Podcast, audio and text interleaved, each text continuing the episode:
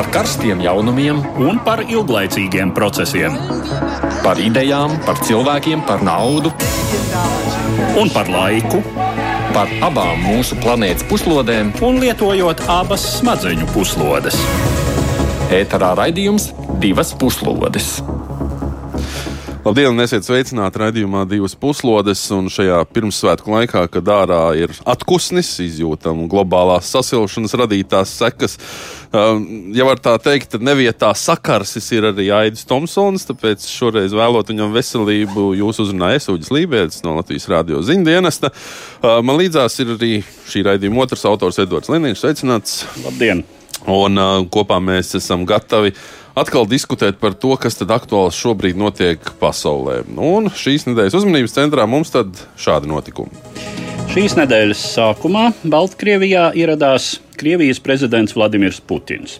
Daži komentētāji saka, ka šāda vizīte ir uzskatāma par Putina vājuma pazīmi, jo viens no galvenajiem mērķiem varētu būt bijis pārliecināt Baltkrievijas vadoni Aleksandru Lukašenko aktīvāk iesaistīties sauszemes karā pret Ukrainu. Lai arī oficiāli šāda apstiprinājuma pagaidām nav, Ukrainas militārā vadība pieļauj, ka Krievija tomēr varētu vēlreiz mēģināt uzbrukt Ukrainas galvaspilsētai Kīvai, tostarp no Baltkrievijas puses. Kā vērtējamas šādas Putina un Lukašenko sarunas un ko gaidīt tālāk? Gan Ukrainas, gan um, dažādu tuvu austrumu konfliktu kontekstā pēdējā laikā arvien biežāk tiek pieminēta Turcija un tās līderis uh, Reģips Taips Erdogans.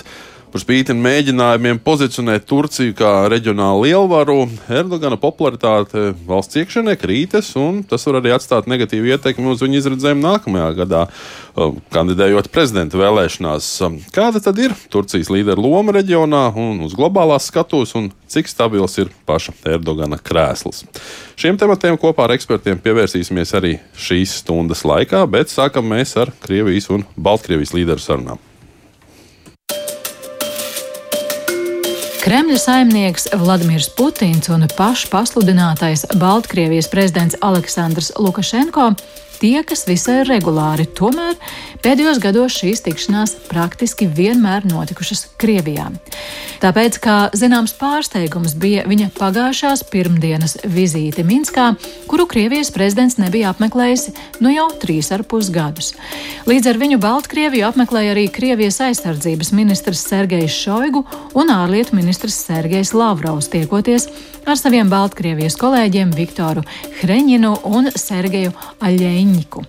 Var piebilst, ka Aļēņiks tikai dažas dienas iepriekš pārņēmis Baltkrievijas ārlietu resora vadību pēc tam, kad novembra nogalē mira viņa priekšgājējs Vladimirs Makejs, kura pēkšņo nāvi daži uzskata par Krievijas slepeno dienestu roku darbu.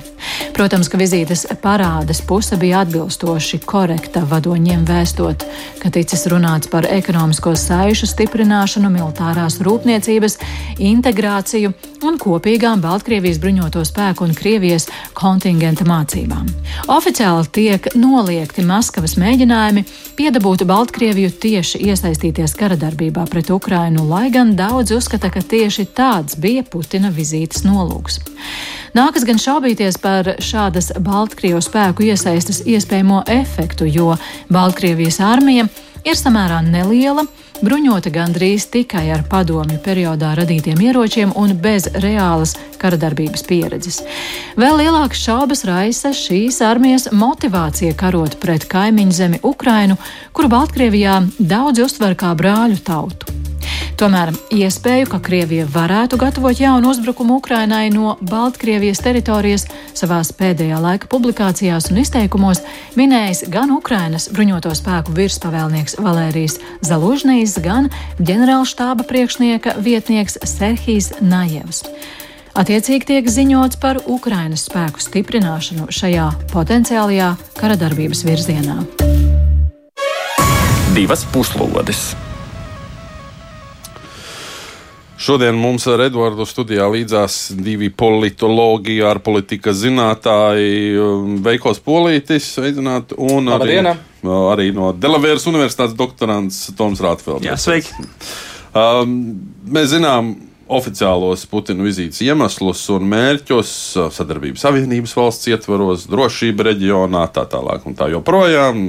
Valdības savā starpā sarunājās, cik veiksmīgi mums norit dažādas integrācijas programmas visās jomās. Bet nu, cik tad jūsuprāt ir pamatot apgalvojumi par to, ka nu, Putinam un Krievijas armijai iet nu tik gauži, ka pat tādai varenai valstī kā Krievija jāiet meklēt nu, saka, atbalsts pie sava vasaļa, ja tā var teikt. Nu, iet gauži. Un tas ir fakts. Un, ja mēs skatāmies tās ziņas no kaujas lauka, gan no Bahmutas, vakardien ziņas ar Ukraiņas prezidentu fronts līnijām, gan arī to, cik ikdienā ir iznīcināts ienaidnieku spēku, gan arī kaujas tehnikas.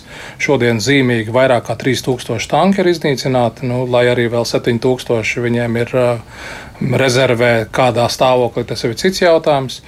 Bet, nu, vienvārds sakot, ja tu plāno ja mēs, mēs jau skaidri nezinām, kurš plānoja, kādu plānoja, bet tā kā tas ar um, situāciju aiz zilupas vienmēr notiek, uh, to saka vairāk analītiķi, kad, lai kurš arī nepieņemt lēmumus, bet beigās to pieņem tikai viens cilvēks Kremlī. Līdz ar to šobrīd ir tā, ka ja tu plāno kaut ko uz trijām dienām, un tas ievelkās uz 300 dienām, uh, zināms, ka rezultāts ir ļoti, ļoti slikts.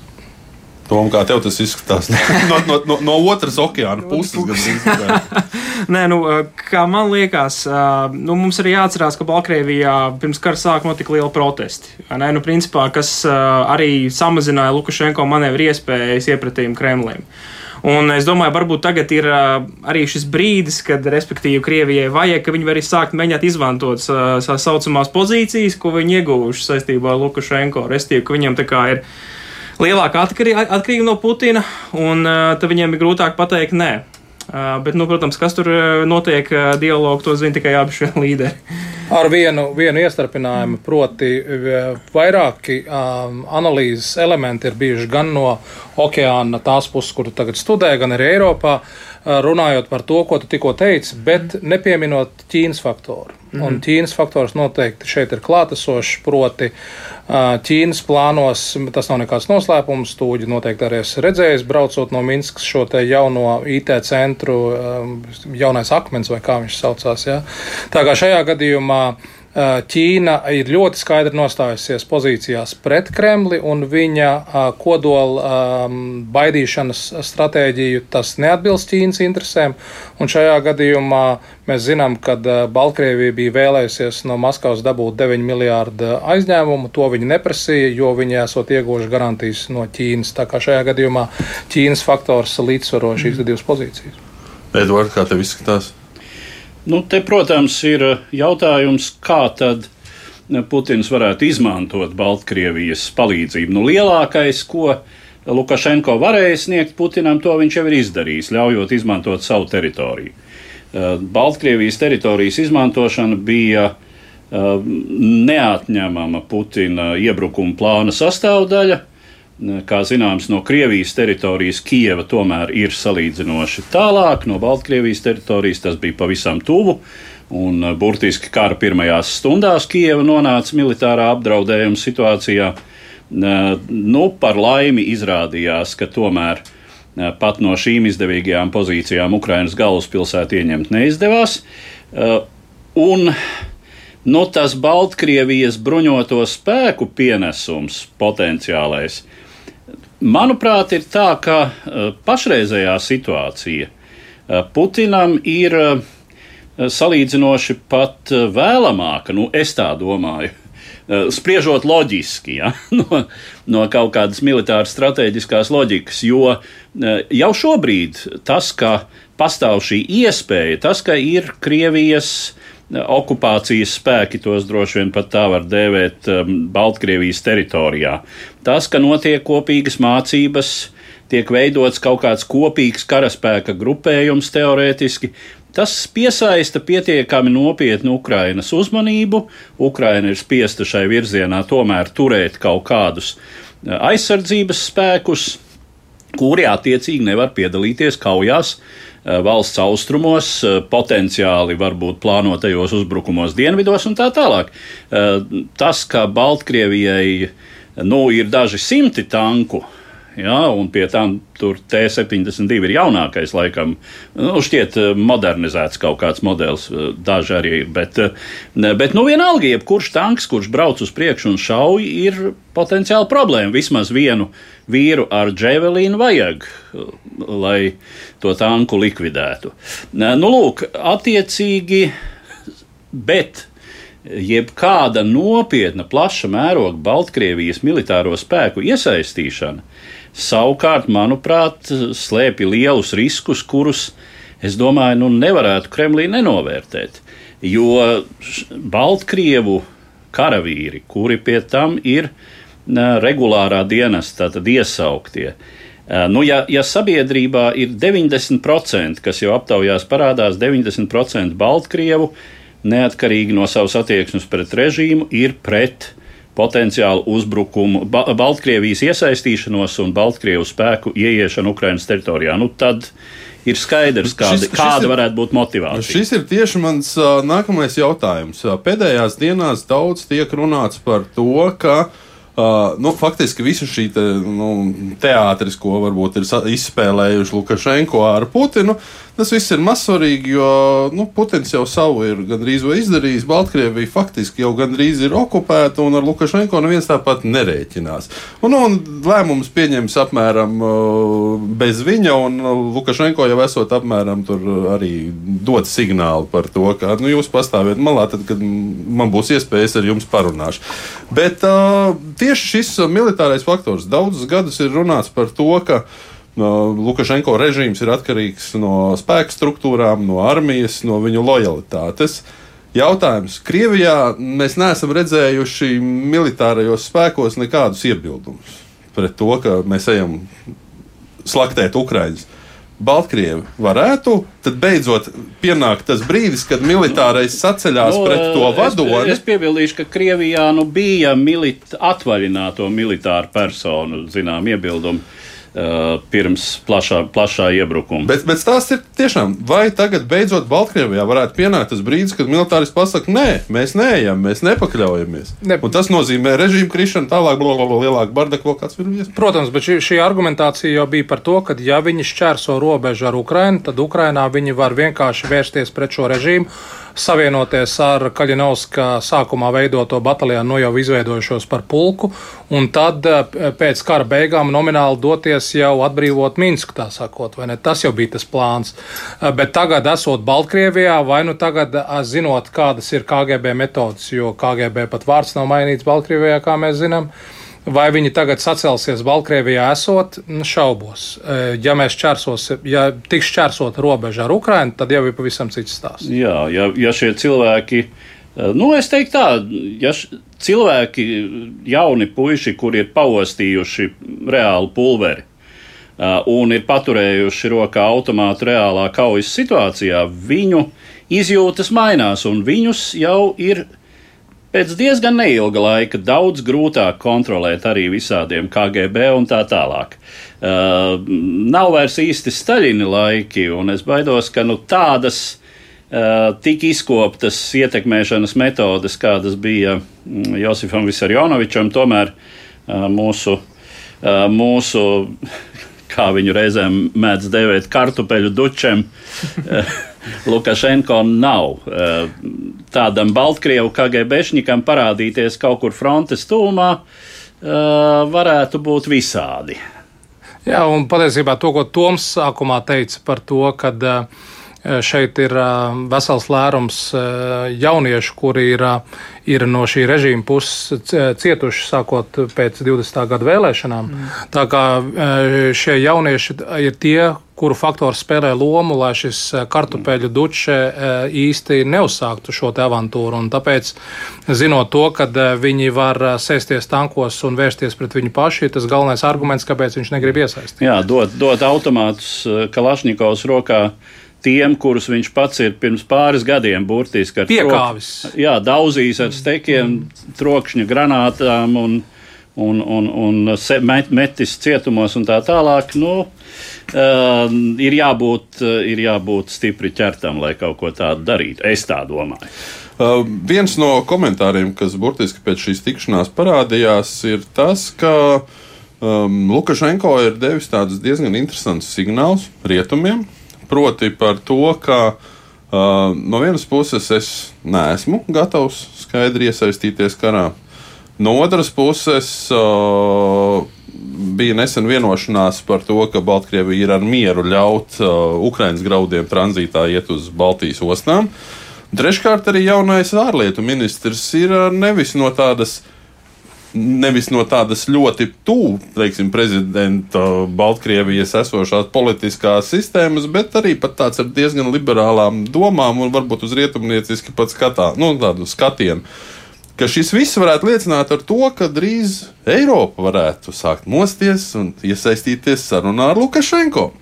Jo, redz, tagad ir izveidojusies tāda situācija, ka redz, viņš nav nemaz tik pakļaujams. Varbūt ir vērts nu, kārtējiem Eiropas prātiem padomāt par to, varbūt ir vērts mierināt, mazināt sankcijas pret uh, Lukašenko režīmu. Tādējādi varbūt vainot arī Putina kārtas. Kā jums liekas, šāda attīstības scenārijas? Ne, viņš izklausās visnotaļ ticams, un tas arī nav pārsteidzoši, jo pēdējos piecus gadus vienmēr runājot par Baltkrievijas attīstības scenāriju, kā, kā alternatīva tiek minēta Polijas apaļais galds, kuru tu ļoti labi atceries 80. gadu beigās. Proti, nu, neviens necerēja, ka Jeruzaļska tā vienkārši izrīkosies, un gal galā Solidārnošs kopā ar Jeruzaļski bija pie apaļā galda jārisina Polijas jautājums. Jā. Tas gan notika brīdī, kad bija pilnīgi skaidrs, ka Gorbačovs padomju armiju uz Poliju nesūtīs. Jā, protams. Atšķirībā no šī brīža, kad Krievijas armija ir Baltkrievijā. Bet, bet līdzības ir, jo, jo Krievijas armija novājināta karā ar Ukrainu. Jā, un uh, tas, protams, ir galvenais, ka, ja teiksim, Baltkrievijā sākstos šobrīd kaut kāda nopietna situācijas destabilizēšanās, ja uh, tiešām, piemēram, daļa armijas, uh, nu, kļūs neusticīga Lukašenko. Krievijai būtībā nav militāru spēku, ar ko mm. kontrolēt Baltkrieviju. Krievijai absolūti nav iespēju okupēt, ieviest okupācijas režīmu desmit miljonus uh, lielā un uh, arī tur ir diezgan daudz kvadrātkilometru, pie tam uh, gana daudz purvu, purvu un mežu, lai to kontrolētu. Pie kam? Uh, vēsturiski Baltkrievi, nu, Baltkrievi paši par sevi saka, stranā partizanka, mm. valsts, valsts partizāna. Viņu vēsturiskajā atmiņā pretošanās okupantam no otrā pasaules kara laikiem ir nu, tāds nacionāls pozitīvais mīts. 19. gadsimts arī jau partizānu kustība pret, padomu, pret Krievijas impēriju. Jā, ne, tur jau tas sākās. Bijušā Rečpospolitas. Bet, bet te ir vēl otrs arguments. Patiesībā ļoti īsi Toms Arlai izsaka savu domu. Proti runai par to, ka arī, piemēram, ja mēs skatāmies opozīcijas nominālās līderes Cihanovskas kundzes ceļojumus apkārt pasaulē, viņa ir visur bijusi izņemot Kievā, jo Kievā Kieva ļoti skaidri sapratusi ar Lukašenko, ka Lukašenko ir devis vārdu, ka viņš nedosies uh, Ukraiņas virzienā, bet kā noteikumu, ka nekāda tikšanās ar Cihanovskas kundzi. Tā kā šeit ir arī diplomātijas spēle un kā tas beigās saliks. Tas ir viens kopā. no, viens no argumentiem, kāpēc Ukraina īsti negrib sadarboties ar Cihanovskas arī to pārējais kabinets. Tas jā, ir, tas ir arī viens. No. Nē, vienkārši es gribēju piebilst, ka nu, citi gadījumi, teiksim, nu, šis pats Sīrijas un Asad gadījums, ja salīdzinot, ka Eiropas Savienības pozīcija, nu, ka arī it kā ir tagad jautājums, ko mēs darīsim ar Sīriju Sīrijas rekonstrukciju. Bet nu, tik un tā naudu īsti negrib Eiropieši dot, jo Asads nav mm. tik un tā eh, izdarījis kaut kādus secinājumus un iedevis kaut kādu, teiksim, burkāns arī opozīcijai. Un es domāju, ka varbūt Lukašenko gadījums varētu būt līdzīgs. Nu, ka, kamēr Lukašenko tomēr eh, nu, varbūt šo režīmu nedaudz neliberalizēs, arī varētu būt grūti Eiropas Savienībai eh, dot viņam roku pretī. Jā, lai gan tāpat kā tas bija neilgi pēc Krīmas aneksijas. Uh, Eiropas attieksmē pret Lukašenko šobrīd noteicošais katrā ziņā priekšplānā nebūs uh, demokrātijas, respektīvi antidemokrātijas situācija pašā Baltkrievijā, bet tas, kā tiešām Lukašenko uh, pozicionējas attiecībā pret Putinu.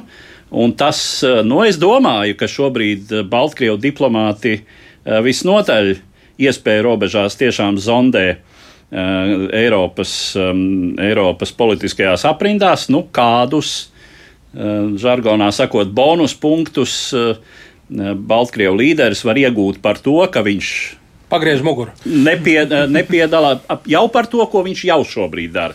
Ka viņš, teiksim, nesūta Baltkrievijas spēkus uz Ukrajinu. Uh, ka, nu, nu, tas ir, tas, ir teiksim, tas ka, ko viņš šobrīd varētu sev kā nopelnu pierakstīt. Viens no tiem uh, nopelniem varbūt arī bija šajos komentāros, kas Baltkrievijā ir izskanējuši par to, ka Es, es nezinu, varbūt klausītāji dzirdēja, nedzirdēja, kā pats Lukašenko raksturoja. Nu, viens no viņa spilgtākajiem citātiem no sarunām ar Putinu bija par to, ka nu, viņus abus divus uzskata par absolūtiem diktatoriem un ka viņiem esot strīds, kurš esot lielāks. Jā, jā. Nu, tas diktators viens vai otrs, nu tad beigās izrādās kā kopā.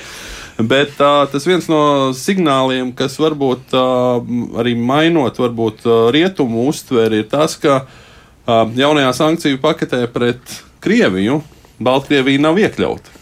Un ka, viņa, ka tagad jau tas notiek atsevišķi, divi atsevišķi vektori, nevis viens kopējs, arī par kopēju agresoru netiek joprojām uzskatīti.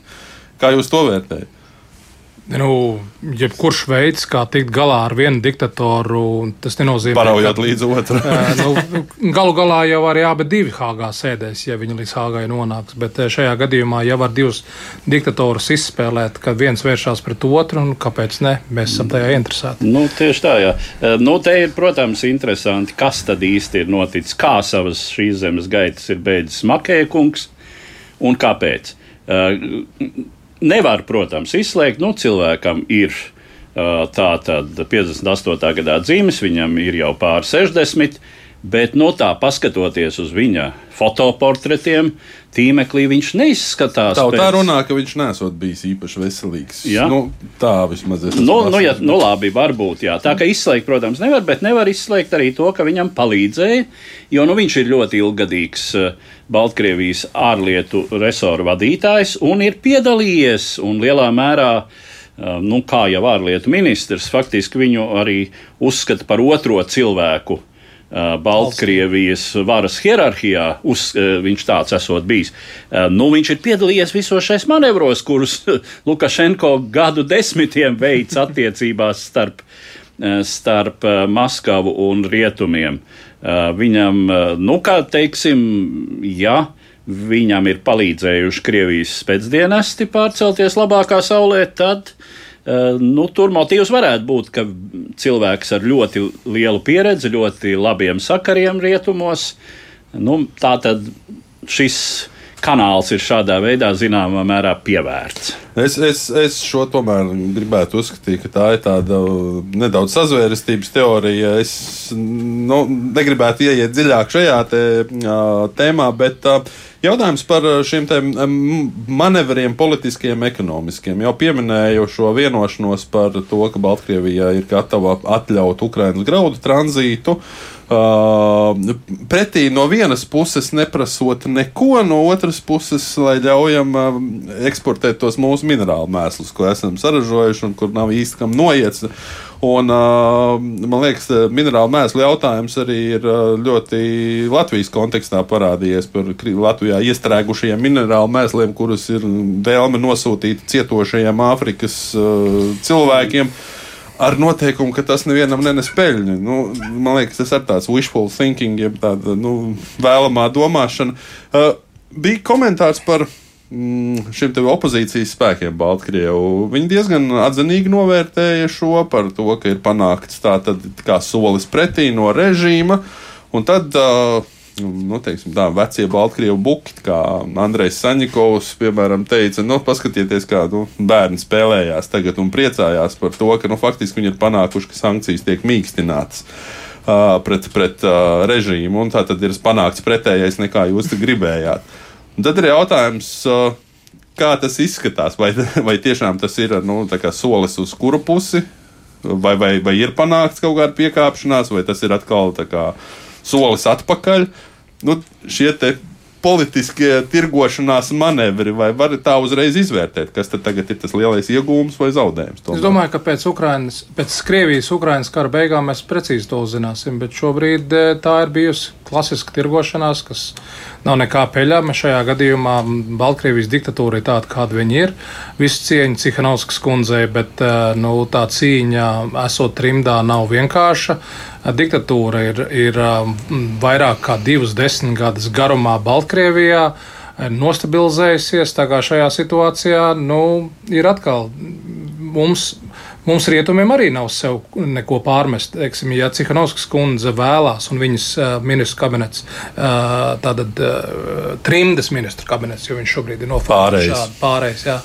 Vēlās situācijas pastiprināšanu pret Lukašenko režīmu, nu, viņai jārēķinās ar to, ka Baltkrievijas dienvidos norisinās karš. Un šajā gadījumā um, karš ar kodolu lielu valsti, kurš vicinās ar um, kodolu rungu, nav vienkārša lieta. Un šajā gadījumā es domāju, ka Cihanovskas kundze arī saprot, ka lielākā daļa cilvēks noslēdzās par to, ka mēs risinām jebko, lai palīdzētu Ukrainai. Nu, es domāju, ka te ir klasiskais stāsts par to dilēmu, kas ir bijis Eiropas Savienības ārpolitikā vienmēr vērt, vērtības pret reālu politiku un, un, un kā mēs izbalansējam, kurā brīdī mēs liekam uzsvaru uz reālu politiku, kas ir nu, šajā gadījumā mūsu karš Ukrainā, mm. versus, uh, respektīvi, nu, režīmu, uh, kā, kā mēs atbalstam Baltkrievijas pilsoņu sabiedrību. Nu, un tad, uh, acīm redzot, tad Eiropas Savienībai ir jāizvēlās šajā brīdī, mēs liekam uzsvaru uz Ukrainu, kā Veiko teica. Nu. Viņi ir spējīgi izvēlēties laiku.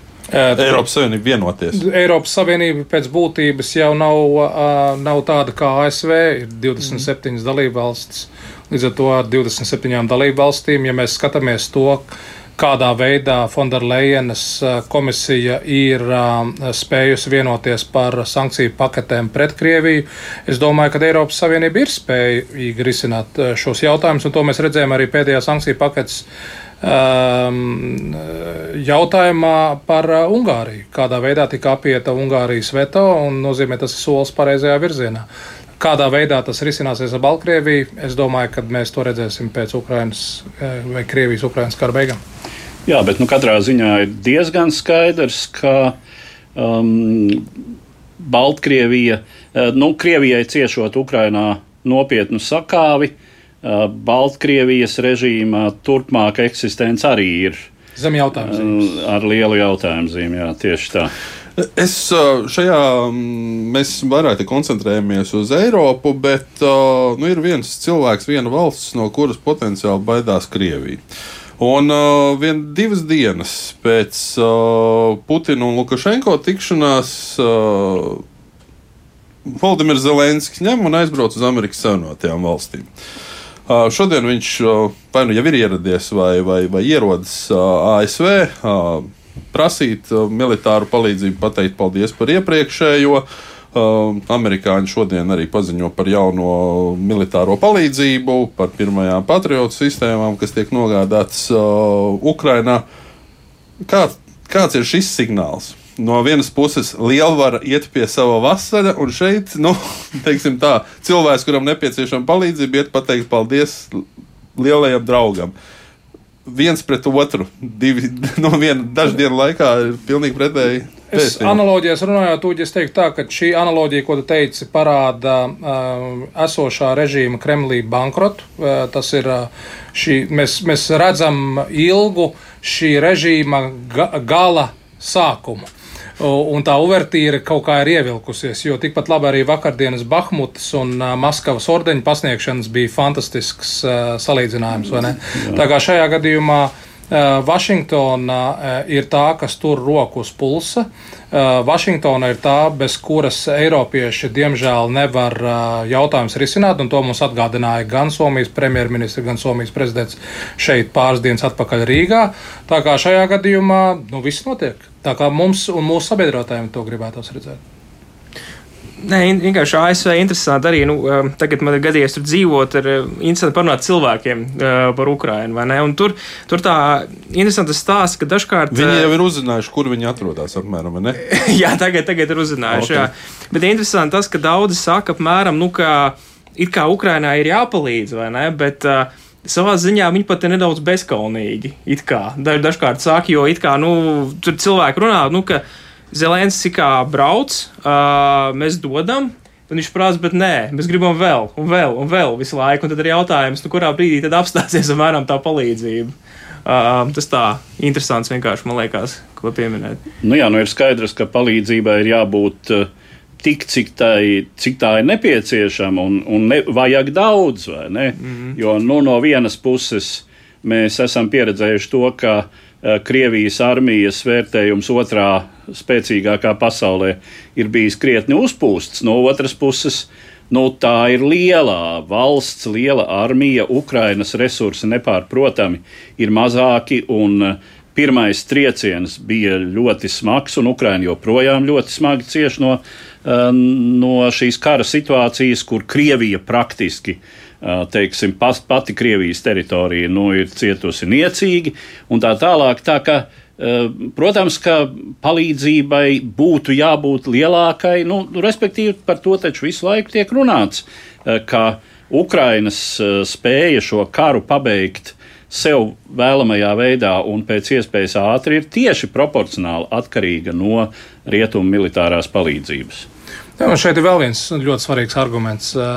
Proti, tas nav tikai Krievijas-Ukrainas karš, tas ir arī starptautiskās sistēmas paturēšana neskartu. Šajā gadījumā, ja mēs gribam, lai ASV saglabā savu lomu, ja mēs gribam, lai šī nosauksim viņu par liberālu demokrātisko pasaules uzbūves sistēmu, daudz man noteikti pārmetīs, ka es izmantoju vārdu liberāls, bet lai nu būtu tāda viņa saucās akadēmiskā literatūrā, un šajā gadījumā, ja mēs gribam mieru arī Indijas klusā okeāna reģionā Un mēs dzirdam, un mēs arī redzam, kādā veidā gan Japāna, gan Austrālija, gan Jaunzēlandija palīdzējusi Ukrainai, ka šajā gadījumā arī šīs valsts saprot, ka drošība un stabilitāte arī šajā reģionā ir, lai nodrošinātu transatlantiskās telpas stabilitāti. Un, un šeit, protams, pirmais risinājums ir Ukrainai. Tad, tad palīdzēt Ukrainai uzvarēt uh, savu pretinieku kaujas laukā, būs risinājums arī priekš globālās stabilitātes klusā un, un Indijas okeāna. Bet, protams, ka Zelenska vizīte tas ir signāls signāls, ka Ukraina jūtas pietiekami droša, ka prezidents ir gatavs, nu jau gatavs pamest uz kādu laiku savu valsti. Pirmo reizi. Pirmo reizi. 301. dienā. 301. kārta dienā, jā. Uh, Īsāk sakot, Krie, Ukraina divas reizes pēdējo dienu laikā ir demonstrējusi, ka tā ir ļoti pārliecināta par, savi, par saviem spēkiem. Prezidenta vizīte Bahmutā, viskarstākajā uh, frontes sektorā. Un šis brauciens ārpus valsts robežām uz otru Atlantijas okeāna pusi. Izrādās, Bahmutā vakar esot bijis arī Prigožins, kurš pat esot no Lielgabala viņam esot ļauts izšaut pret, uh, pret Zelenski. Moras ābets mācījies. Jā, bet uh, tāda interesanta lieta, ko arī vakar un šodien klausījos par, par, par palīdzību sniegšanu Ukrainai un, protams, par Kievas neapmierināmo vēlmi pēc vairāk un vairāk, un tad, ka faktiski pašlaik Ukraina ir vieta, kur reāli pasaulē funkcionē lielākais skaits, paņemsim, Haimars sistēmu. Jo pašai Amerikai ir no, nu, daži desmiti, kas stāv un viņi netiek izmantot. Un daudzas modernās sistēmas viņas faktiski drošā valstī stāv neizmantotas. Un, un, un līdz ar to pašlaik Ukraina ir tā vieta, kur varbūt tiešām ir tas reālais pielietojums. Bet runājot par skaitļiem, ko Toms pieminēja, šeit jau mums e, vienkārši vēršamies pie pirmavotiem. Pirmavoti ir bruņoto spēku vadītāja Zalužņīka kunga intervijā The Economist, kur viņš ļoti skaidri pateica, lai mēs atbrīvotu Ukraiņas dienvidus, ir vajadzīgi 300 tanki, 500 bruņtransportieri un cik tur tās gaisa aizsardzības sistēmas. Tā kā skaitļi visiem ir pateikti. Un to skaitļu izpildus mums nav, nav nemaz tik viegli izdarīt. Labi, liekam šajā brīdī Baltkrievijai, Krievijai, Ukrainai punktu un pievērsīsimies Turcijai. 14. decembrī izpaudās ziņa, ka Turcijas pirmās instances tiesa atzinusi Stambulas mēru Ekremu Imamoglu par vainīgu valsts augstākās vēlēšana komisijas locekļu apvainošanā, piespriežot viņam vairāk nekā divarpus gadus cietumā un aizliedzot politisko darbību. Apsūdzības pamatā ir viens Imamoglu publisks izteikums 2019. gadā, nodēvējot vēlēšanu komisijas locekļus par idiotiem. Šais vēlēšanās viņš, lielākā opozīcijas bloka Nācijas alianse kandidāts, atņēma valsts lielākās pilsētas vadību prezidenta Erdogana taisnības un attīstības partijai. Spriedums gan stāsies spēkā tikai pēc lietas skatīšanas vairākās apelācijas instancēs, tāpēc Imamoglu paliek brīvībā un turpina pildīt amatu pienākumus. Daudz ir pārliecināti, ka faktiski tiesa īsteno pie varas esošā Turcijas prezidenta Raģipa Tajipa Erdogana vēlmi atbrīvoties no bīstamākā sancenša nākamā gada vēlēšanās. Plānots, ka 2023. gada 18. jūnijā Turcijas vēlētāji izvēlēsies gan prezidentu, gan 600 parlamenta locekļus uz nākamajiem pieciem gadiem, un Erdoganam ir visi iemesli bažīties par savām un savas partijas izredzēm. Kā liecina aptaujas, prezidenta partija nozīmīgi atpaliek no nācijas alianses, kuru veido Ekrema Imamoglu pārstāvētā kreisi centriskā republikāniskā tautas partija, centriskā labā partija un pāris mazas partijas. Pārliecības nav arī par paša prezidenta izredzēm. Viņa reitings pēdējos gados bijis lielākoties zem 50%, kas liek domāt, ka Erdogans diezin vai mm, uzvarēs vēlēšanu pirmajā kārtā. Savukārt aptaujās, kas modelē otro kārtu, kur sacenšas divi lielāko balsu skaitu ieguvušie kandidāti, Erdogans zaudē nevien Imamoglu, bet arī citiem nācijas alianses kandidātiem - galvaspilsētas Ankaras mēram Mansuram Javašam un republikāniskās tautas partijas priekšēdētājam Kemalam Kalič Daroglu un arī labās partijas pārstāvēm Merelai Akšenerai. Pēc visas spriežot, elektorātam ir pār maz ar Erdogana starptautisko vērienu, nepārprotami virzot Turciju uz reģionālas līnijas lielvaras statusu. Krievijas ietekmes mazināšanās, uzsākot militāro avantūru Ukrainā, ļauj Turcijai spēlēt ar vien nozīmīgāku lomu nevien Sīrijā, bet arī bijušās Padomju Savienības teritorijās Aizkaukāzā un Centrālā Azijā. Pēdējā laikā Erdogans atļāvies veltīt karavīgus izteikumus Turcijas vēsturiskajai naidniecei Grieķijai, neskatoties uz abu valstu dalību NATO aliansē. Tajā pat laikā Turcija tā arī nav izkļuvusi no 2018. gadā iestājušās finanšu un parādu krīzes. Ap 2020. gada sākumu iezīmējušās atlapšanas tendences sagrāva pandēmijas un Krievijas agresijas izraisītā globālā lejupslīde. Kopš 2021. gada sākuma pastāvīgi augusī inflācija nu pat pārsniegusi 80%. Turcijas liras kurs, kas vēl 2018. gada sākumā bija apmēram 5 liras par ASV dolāru, nu jau pārsniedzis 18 liras par dolāru. Divas puslodes! Atgādinu, ka mūsu sarunā joprojām piedalās uh, politologi, ārvalstu zinātāji, veikos polīts Toms Rātfelders ar Edvards Liniņš tepat. Lai cik tas varbūt klausītājiem neliktos dīvaini, tad abi klātesošie kolēģi, gan Veiko, gan, gan Toms, ir tieši to austrumu speciālisti. Tev, Veiko, cik es atceros, ir ģimenes saiknes ar Turciju, tev, Tom, tuvi austrumi ir tavs intereses uh, centrā pētniecībā. Ja mēs tagad skatāmies uz Turciju, kas daudziem liekas tāla un sveša un nevienam nezināma, tad uh, iedzīvotāja attieksme pret uh, Erdoganu. Ir tāds sajūta, ka mēs ārpusē patiesībā redzam pilnīgi kaut kādu citu bildi nekā ir iepriekš, nekā ir valsts iekšienē, un arī kā tikko dzirdējām, sižetā. Proti, tā, tā popularitāte, vai arī viņš sevi tur pozicionē kā lielo, lielo tautas vadoni un līderi, ka viņa nemaz tāda nav, ka tas viss tomēr ir Nē, nu es iesākumā vienkārši atbildēšu ļoti īsi. Viens ir, protams, ir kādā veidā valsts sevi pozicionē un eh, demokrātiskas valstis vai uh, mazāk demokrātiskas valsts, uh, jebkurā ir kaut kāds veids, kā mēs gribam sevi parādīt pārējai pasaulē.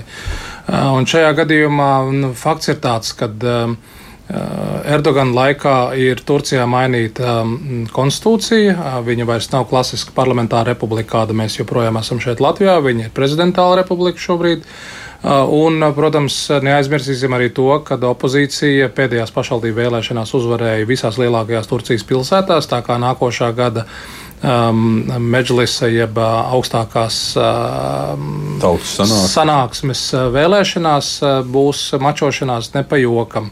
Lai arī jāpiemina, ka šobrīd ir jautājums par um, Stambuls mēru, kurš ir populārākais politiķis vai opozīcijas politiķis valstī. Šobrīd viņam ir krimināla apsūdzības par saviem izteikumiem. Tā kā šajā gadījumā, protams, vēršanās pret uh, opozīcijas kritiķiem atkārto to pašu, kādā veidā Turcijas tā laika militārais režīms, tātad 2000. gadu sākumā vērsās pret prašu Erdoganu, kad Erdogans pats bija ielikts cietumā par saviem izteikumiem pret Turcijas laicīgo varu. Bet īsumā vēl. Vai viņam varbūt tāda rokas grāmata, kā darīt? Nu, Nu, tad, ja, kad ir sasniegts kaut kāds līmenis, tad Politiska, politiskā kultūra to varētu tā dēvēt visnotaļ. es domāju. Protams, bet, bet šeit tas, tas svarīgākais, ko saprast, tā, ka patiesībā Turcijas sabiedrība ir sadalījusies tā, tā grupa rēķinot puses uz pusi. Puse mm. laicīgi cilvēki, puse ir ļoti reliģiozi musulmaņi. Un šajā gadījumā, protams, prezidents Erdogans pārstāv šo reliģisko daļu, bet viņš arī saprot, ka bez laicīgās varas, bez armijas, bez policijas viņš īsti nevar iztikt. Jo, jo ja ne, nemelosim sev, nākošais gads Turcijas svin republikas simtsgadi, un uh, Turcijā uh, tieši armijai ir ļoti svarīga loma, lai turpinātu šīs laicīgās idejas, kuras iedibināja Turcijas republikas dibinātājs Kemals Atatürks. Tā kā šajā gadījumā, nu, redzēsim, cīņa nebūs uh, vienkārša. Es tieši lasīju pirms raidījuma, nu, atkal pārstīju zinātnisko literatūru uh, par Turciju. Jā, jā. tā labi parādīja, tad izmēra. Padomu Savienības enciklopēdijas 7 sējumi. Un man īstenībā patika viens termins, uh, ko es izlasīju, ka Turcija mūsdienās varētu būt kaut kas līdzīgs sāncensības autoritārismam. Tas bija tāds, no, tas bija tāds tā kā nodēvēts. Respektīvi, nu, ka mums ir Erdogana varas centrs, uh, kurš atļauj savā veidā arī politisko sāncensību kaut kādā veidā. Šī sāncensība, protams, ir veidot tāda, ka labākas pozīcijas ir pašam Erdoganam. Bet šī sāncensība notiek. Tas ir tādā, varētu teikt, demokrātijas imitācija. Nē, tā nav Krievijas situācija. Nē, nē, gluži nē, nē. nē. Nē, nē, tas, nu, tas nav tas pats atļauts ir, bet izredzi ir maz. Ne, bet tikpat labi mēs arī varam teikt, Japāna. Japāna liberāla demokrātiskā partija arī iemācījās eh, lēnām pamazām, jo, eh, teiksim, otrā pasaules karā mums vēl ir Japāņu impērija, un pēc otrā pasaules kara zaudējuma Japāna pamazām iemācās mm. demokrātiskās sabiedrības noteikumus, un te ir kaut kas līdzīgs. Es piekrītu Tomam. Jā, nu, noteikti tā nav Krievija, bet tajā pašā laikā nu, mēs nevaram atzīt arī pasoties teiksim, uz eh, demokrātijas indeksiem, reitingiem, ka Turcijā ir kritums bijis uh, diezgan ievērojams kopš Erdogans nācis pie varas. Viņš principā ir šo sistēmu vairāk vai mazāk konsolidējis savā, savā uh, paspārnē, Interesēm. interesēm. Jā. Uh, vēl viens uh, ļoti svarīgs aspekts, uh, ko Eko minēja par armiju. Uh, armija tiešām, kā uh, vilīgi minēts, ir bij- bijušas sekulārismu garants vēsturiski. Uh, un Erdogans ir savā ziņā arī armiju kaut kādā veidā dabūjis, beidzot savā kontrolē. Viņš ir pārāvis beidzot to, uh, ko, nav, ko nav izdevies pāraut līderiem iepriekšējos citus gadus, kuri ir centušies doties tālāk uh, reliģiskajā virzienā. Jo, ja mēs skatāmies Turcijas vēsturi, Turcijas vēsture ir uh, apvērsuma vēsture kā respektīvi kāds režīms domā, nu, doties tālāk no Atatūrka mantojuma, armija vēsturiski ir iejaukusies un mēģinājuši šo visu nostabilizēt. 16. gadā un tika mēģinājums to darīt, bet izgāzās. Es gribēju tieši par to mēģinājumu. Bija, 15. bija tas, apvē, bija tas 16. apvērsums vai nebija? Nē, 16. 16. jā. Ap- apvērsums. Es pats, tur, es pats biju tur uz vietas, bet tas laiks vien tā ātri. Bija apvērsums vai nebija? E, nu, viņš bija, jā. A, viņš nebija iestudēts tā kā daudz saka. Nē, nē, nē, viņi reāli. Es skatījos pa televizoru, es redzēju tikai uh, žurnālisti, mm. un vēlāk parādīja, kā tur uh, kāds ar automātu stāvēs viņai aiz muguras, kad Erdogans mm. bija saprotams caur WhatsApp, ka viņš tomēr Jā. yeah. ir uh, atgriezies. ne? Tā kā es, es, es biju Turcijā tajā brīdī. Jā, nu, tā situācija bija, eh, bija īpatnēja, bet nu, šauts tika. Mm. Tā ir skaitā, eh, cik es saprotu, daži iznīcinātāji bija izšāvuši raķetes un pat trāpījuši parlamentā, kā tur laikam upuru gan nebija. Bet, Nebija upuri. nē. bet, bet nu, pamatīgi. Galvenie divi tilti Stambulā tika nobloķēti, un, un protams, pa matu tiesu arī pats Erdogans izglābās no, no nāves, pateicoties diktatoram Kremlī. Ak, tā. Nu, Šo, še, šo epizodu vajadzētu atgādināt. še, šeit mēs uh, turpināsim tieši par šīm attiecībām ar uh, diktatoru Kremlī. Kā tu minēji, uh, pēdējā laikā tieši Erdogans ir sevi pozicionējis kā to cilvēku, kurš uh, tad varētu būt tas starpnieks starp uh, Kremli sarunās ar. Potenciāliem rietumiem. Un neaizmirsīsim faktu, ka Turcija tomēr ir NATO dalībvalsts, kas arī ir diezgan unikāla situācija šajā visā situācijā, ņemot, ņemot vērā arī diezgan sarežģītās attiecības reģionā ar kaimiņiem. Pozicionēšanās kā lielajam sarunvedējam, miera nesējam, spējīgam runāt ar Putinu. Mm. Tom, kā tev liekas, tas tāds atbildes gājiens par, par seniem nopelniem vai, vai nē, personīgās ambīcijas, nē, vai tiešām liela lieta? Nu, ja mēs teiksim, pastamies uz Turcijas ekonomiku. Uh, Tā ir diezgan liela ekonomiskā saite ar Krieviju. Arī tajā pašā. Tas ir ļoti liels augums šogad tieši. Protams. Jā, arī tas jo, arī. Jo Krievija izvēlējās Turciju kā mm -hmm. par hubu. Jā, Jā un Turcija, Turcija nav pievienojusies uh, lielākajai daļai Eiropas sankciju. Turpat arī jautājums par Melnās jūras reģionu stabilizāciju, arī, kur, protams, Krievija ir iesaistīta, arī kas Turcijai ļoti interesanti. Uh, tas pats jautājums arī nu, uh, par to, ka Krievijai tagad jādomā, kā piegādāt gāzi Eiropai sankcijas, un tad Turcija var kalpot kā šis starpnieks, kas, protams, ir izdevīgi pašam Erdoganam arī. Un trešais faktors īstenībā, ko es esmu arī dzirdējis, eh, klausoties intervijas ar uh, Turcijas, restīvi ārpolitisko eliti vai, vai, vai Turcijas eh, prezidenta runas vīriem, ka īstenībā Turcijai arī ir savā ziņā, mm, viņi piekrīt tam Krievijas uzstādījumam, savā, nu, tam, ka Krievija saka, ka ir nepieciešama, nepieciešama jauna noteikuma uz kuras mēs balstītu saprotisko kārtību. Un to pašu nesen pieminēja tieši arī Turcijas prezidenta runas vīrs. Nu, ka, uh, Tomēr konflikts ar Krieviju, nesoties uz to, ka pat ja mēs izdzīsim uh, ārā uh, Krievijas no Ukraiņu zemes, tik un tā tas turpināsies, kamēr nu, kaut kādi šie jaunie noteikumi nebūs. Un tas arī, man liekas, savā ziņā ir kaut kā, kaut kā parāda, ka šis varbūt tas autoritārais pasaules redzējums kaut kādā veidā arī šiem līderiem sakrīt, un, un, un tas man liekas diezgan interesanti. Ja, un šajā gadījumā, protams, arī neaizmirsīsim to, ka Turcija ir pašpārliecināta vara. Mm -hmm. Un šajā gadījumā, protams, šī prezidenta pozīcijas, kurš skatoties uz Kremļa vizāvī, kā to franči saka, redz un viņš lasa viņu kā savu grāmatu. Viņš ir mm -hmm. atkodis viņu, viņš saprot, kādā veidā ar otru diktatoru runāt.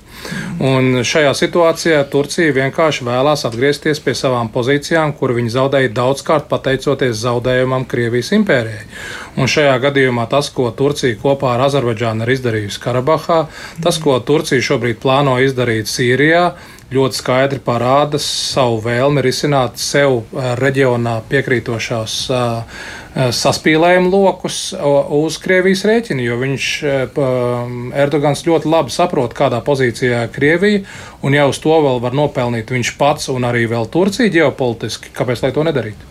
Un viena nianse tajā pašā Sīrijā, ko mēs pieminējām, kur karš turpinās jau 12 gadus. Sanāk, no 10, jā, jā, 12 gadi. Nu, nu, faktiski 10 gadi jau vismaz. Mm. Uh, tur ļoti liels, nu, arī savas intereses ir arī Amerikas Savienotajām valstīm. Jā kuras ir salīdzinoši klusas attiecībā mm. pret savu NATO partneru valsti, kura apmēram ļauj izvērsties vai rīkoties. Mm. Šis trīs stūris Krievija, Turcija, Amerikas Savienotās valstis, tuvo austrumu reģionā. Cik tas spēlē lielu nozīmi pašlaik? Nu, tagad ir tas lielais jautājums par eh, jauno Turcijas potenciālo militāro intervenciju Sīrijā.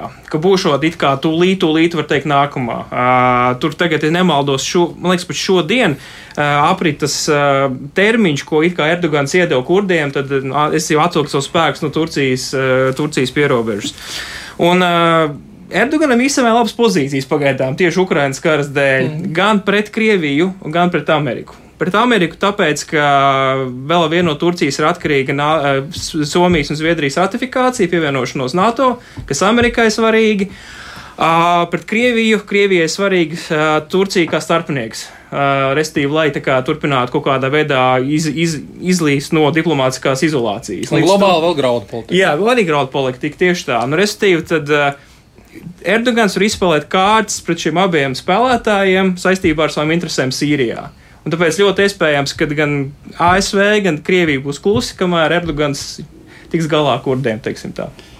Jā, Erdogana droši vien lielākais trumpis šajā gadījumā ir šī absolūtā, tas absolūtais politiskais oportunisms, pastāvēšana kaut kur šai pelēkajā zonā starp demokrātiju un diktatūru, eh, starp eh, militāru agresiju un tomēr zināmu noteikumu ievērošanu,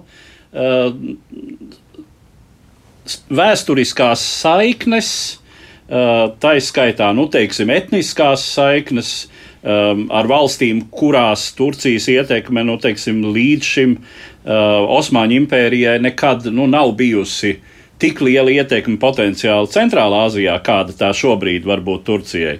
Nerunājot par Azerbaidžānu, kas ir etniski ļoti tuva, bet arī vēsturiski ir vairāk bijusi Irānas un Krievijas pēc tam uh, ietekmes sfēra, nu, izņemot teiksim, dažus gadus Pirmā pasaules kara noslēgumā, uh, bet šobrīd nu, ir Turcijas ciešākais sabiedrotais.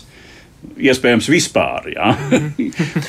un, un šajā gadījumā vēl papildus tam, ko teicu, mēs to ļoti labi redzam Turcijas un Izraēlas diplomātsko attiecību atsākšanās. Jā. Mēs to redzam jautājumos arī par enerģētisko politiku un gāzes mm -hmm. iegulām no Izraēlas cauri tātad Sīrijas un Turcijas teritorijai uz Eiropu.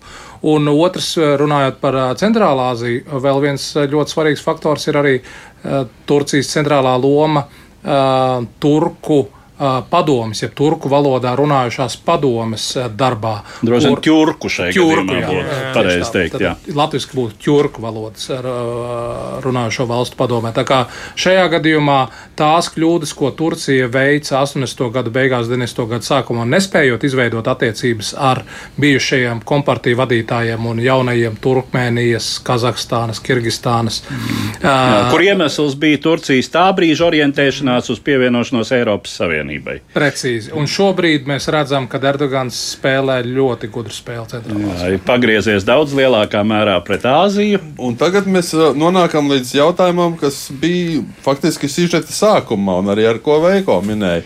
Nākamā gadā ir gaidāmas vēlēšanas. Tikpat liela iespēja, ka Erdogans vairs var nebūt uh, Turcijas prezidents, kā tas ietekmēs valsts virzību un varbūt atkal skatīšanos Eiropas Savienības virzienā. Jā, droši vien. Ņemot vērā, ka iegūts ļoti labi. Relatīvi varētu būt, lai gan es domāju, ka šī Erdogana iesāktā politika ir pārāk perspektīva un sola še, sevišķi šajā situācijā atslābstot Krievijas varai attiecīgajos reģionos ir, ir var nest pārāk labus augļus, mm. lai, teiksim, jebkura jaunā vara, jā, arī tiešām nomainīsies no, no šīs uh, tradicionālistiski konservatīvās uz uh, tā saucamo Nacionālo aliansi, kas ir nu, centriska, bet arī tur ir tādi pro-islamistiski spēki.